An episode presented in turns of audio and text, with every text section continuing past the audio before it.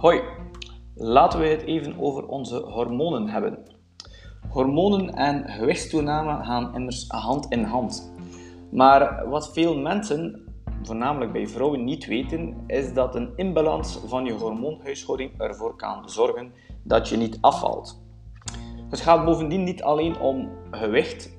Sommige hormonenschommelingen kunnen ook een teken zijn dat er iets groters aan de hand is met je gezondheid.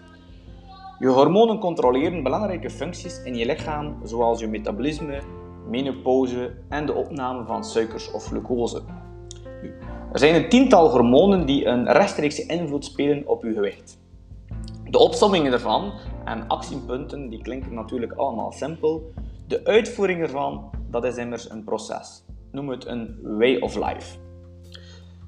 We zullen eventjes vijf uh, hormonale disbalansen uh, van nader uh, bekijken. Eerste is een heel gekende cortisol. Je kent het wel, het stresshormoon dat wordt aangemaakt door je bijnieren. Het hormoon komt eigenlijk van pas altijd bij korte termijn inspanningen, maar het blijft een roofbouw op je lichaam als je het aan de lopende band aanmaakt. Wanneer er bijvoorbeeld te veel cortisol wordt aangemaakt, leidt dit tot grote hoeveelheden insuline, wat weer vetcellen triggert en dus tot gewichtstoename leidt. Hoe controleer je het? Wel, starten met een hele goede nachtrust tot minimum 7 tot 8 uur slapen. Ook jouw mindset goed ontspannen door wandelen en korte trainingen in te gaan lassen. Alcohol vermijden en ook bewerkt voedsel gaan vermijden. Tweede uh, is ook een belangrijke, is je schildklier. Um, je hebt vast wel iets gehoord dat schildklierproblemen kunnen leiden tot gewichtstoename. Maar weet je misschien ook waarom? Wel, in de schildklier worden hormonen aangemaakt die je metabolisme, je slaap, hartslag, je groei en nog heel veel meer controleren. Wanneer je dus een traag werkende schildklier hebt, hou je voornamelijk vocht vast. Het is dus niet vet, maar vocht wat je soms wat voller oogt. Leptine, het gevoel dat je vol zit wanneer je eet, wordt veroorzaakt door het hormoon leptine. Als je veel suiker of bewerkt voedsel met veel suikers of fructose eet, maakt je lichaam uh, bepaalde vrachtladingen aan. Uh, als reactie daarop wordt je lichaam minder gevoelig voor het hormoon en krijg je brein niet altijd meer een signaal wanneer dat je vol zit. En dat zorgt uiteindelijk voor dat je aankomt. Je controleert dit uh, vaak door veel meer te eten, veel frequenter.